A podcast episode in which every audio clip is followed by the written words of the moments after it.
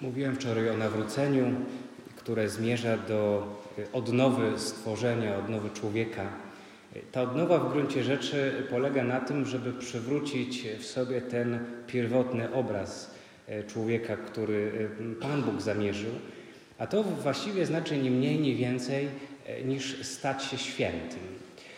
Jesteśmy jakoś wezwani, czy jakby woleli niektórzy zaproszeni do świętości. To, to zaproszenie do świętości, może jak tak słyszymy, bądźcie świętymi, powołanie chrześcijanina jest świętość. Może nam się to trochę wydawać nieuchwytne, albo więcej może nam się wydawać, że no, rozumiem taki święty Maksymilian Maria Kolbe, który oddał życie za drugiego człowieka. Rozumiem pierwszych męczenników y, y, chrześcijaństwa, którzy oddawali życie y, na arenach za Chrystusa. Rozumiem y, pobożność i heroiczność snu świętego Jana Marii Wianeja. Rozumiem szczególną mądrość świętego Tomasza z Akwinu. Ale ja, taki zwykły człowiek, może być też świętym. Myślę, że kiedy y, mówimy o świętości, warto najpierw y, uświadomić sobie, że pierwsi chrześcijanie nazywali siebie świętymi. Nie dlatego, że byli jacyś e, nieskazitelni, bezgrzeszni, ale dlatego, że wiedzieli, że zostali wybrani. To znaczy, to wybranie odbyło się przez chrzest. Przez chrzest zostali zanurzeni w śmierć i zmartwychwstanie Pana. To znaczy, otrzymali powołanie do życia, do nowego życia, do życia w pełni. W tym sensie wiedzieli, że od momentu, kiedy dotknęła ich łaska chrztu, łaska wiary, od tego momentu dotknęła ich łaska świętości. To znaczy są świętymi w tym sensie, że uświęca ich łaska Pana. Mówiłem wczoraj, że y, my jesteśmy jak to kruche y, naczynie, do którego, które wypełnia swoją mocą Pan. To On nas umacnia. I dokładnie tak jest ze świętością. To znaczy Pan nas uświęca. To nie jest nasze działanie. My nie jesteśmy w stanie w żaden sposób siłą swojej woli, czy swoimi umiejętnościami, czy swoim działaniem, nie jesteśmy w stanie stać się świętymi. My możemy odpowiadać jedynie na łaskę Pana Boga, która jest w nas złożona we chrzcie. Dlatego jeśli mówimy o świętości, to dotykamy zawsze chrztu i przypominamy sobie, co w tym chrzcie się wydarzyło. Do czego zostaliśmy powołani? Kim się staliśmy? Przybranymi dziećmi Bożymi. Dziećmi świętego Boga. W tym sensie mamy udział w świętości. Ale oczywiście jest też ten wymiar świętości, który nazwiemy świętością moralną. To znaczy to nasze postępowanie, które nazwalibyśmy właśnie w takim działaniem świętym, czy zmierzającym ku świętości. Przy czym nie jest to e, działanie e, ludzi bezgrzesznych, to nie jest działanie pozbawione jakichś błędów, prób i wątpliwości, e, ale działanie, które jest ukierunkowane właśnie na nawrócenie, czyli na świętość. I w tym sensie chciałbym, żebyśmy właśnie spojrzeli na świętego Józefa, który, jak czytaliśmy dzisiaj, był człowiekiem sprawiedliwym i nie chciał narazić Maryi na zniesławienie. Jak słuchamy tego opisu, to myślę, że przechodzimy zupełnie w sposób oczywisty nad zdaniem, nad tym sformułowaniem, że Jezus był człowiekiem.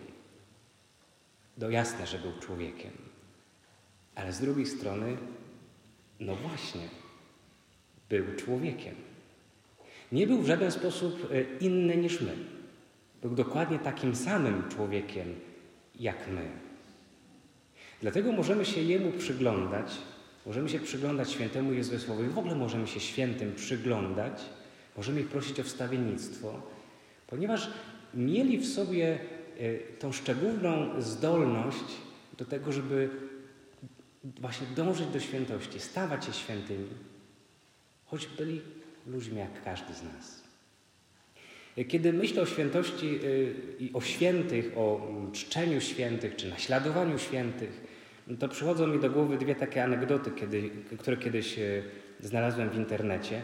Pierwsza y, dotyczy kazania, które było ogłoszone w jakimś maryjnym sanktuarium Kaznodzieja mówi o pewnym dziecku, które w nagrodę za swój szczególnie dobry uczynek mogło sięgnąć do skarbca króla i z tego skarbca wziąć tyle złotych monet, ile zmieściło się w jego dłoni.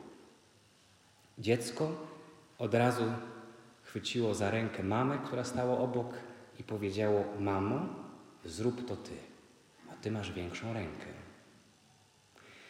Prosta odpowiedź dziecka, prosta dziecięca odpowiedź, ale w praktyczny sposób nam wyjaśnia, na czym w gruncie rzeczy polega czcić świętych. Oni, jeśli tak możemy powiedzieć, mają większą rękę, ponieważ y, w niebie będąc, już w niebie, ciesząc się nagrodą zbawienia, mogą więcej zaczerpnąć ze skarbca Pana Boga. Y, oni już sami czerpią pełnymi garściami ze skarbca Królestwa Niebieskiego. I w tym sensie chcą także nam pomóc zaczerpnąć, nam jeszcze słabym, pielgrzymującym tutaj, chcą pomóc zaczerpnąć, bo nasza dłoń w stosunku do nich taka jak dłoń dziecka, mniejsza. A druga anegdota dotyczy pewnego młodego człowieka, który oddawał się rozkoszom tego świata. Gdy był w potrzebie, to przychodził przed figurę Matki Bożej i modlił się, błagał słowami starego hymnu maryjnego, mówiąc: Okaż, żeś jest matką, pomóż. I pewnego dnia, gdy znów tracił grunt pod nogami, przyszedł jak zwykle przed wizerunek Maryi, ale tym razem w odpowiedzi na swoje wołanie e, usłyszał słowa od Maryi: Pokaż, żeś jest synem. Ta historyjka, nieważne czy prawdziwa, czy nie, ona nam przypomina też o naszej odpowiedzialności wobec świętych. To znaczy, że w modlitwie za ich przyczyną nie tyle chodzi o załatwienie sobie czegoś, o uzyskanie jakiejś pomocy, ale przede wszystkim chodzi o to, żeby przyjąć od nich pomoc na drodze do świętości po to, by w ten sposób ich naśladować, by w ten sposób y, poprzez naśladowanie świętych, szczególnych ich cnót i przymiotów, y, naśladować samego Chrystusa. Więc przenosząc to na świętego Józefa, Chciałbym i zachęcam bardzo do tego, żeby się przez jego wstawiennictwo modlić, nie tylko dziś, kiedy przypada taka uroczystość, uroczystość świętego Józefa, oblubieńca Najświętszej Maryi Panny, ale w ogóle by się modlić do świętego Józefa. Ale też, żeby powziąć zobowiązanie, jeśli się modlę przez wstawiennictwo świętego Józefa, to także po to, żeby się Jemu przyglądać, żeby przyglądać Jego świętości, przyglądać się Jego wyjątkowości, i ją, tą wyjątkowość naśladować. Józef był człowiekiem. Święty Mateusz zanotował e, to zdanie w dziewiętnastym wersecie e, pierwszego rozdziału. E, był człowiekiem, tak jak wspomniałem, chciałby się od razu dodać, jak każdy z nas. Miał swój rodowód. O tym mówi święty Mateusz, pisze to święty Mateusz Ewangelista. Józef miał wioskę, Miał dom, w którym się urodził, miał rodzinę, w której wzrastał, miał pracę, którą wykonywał.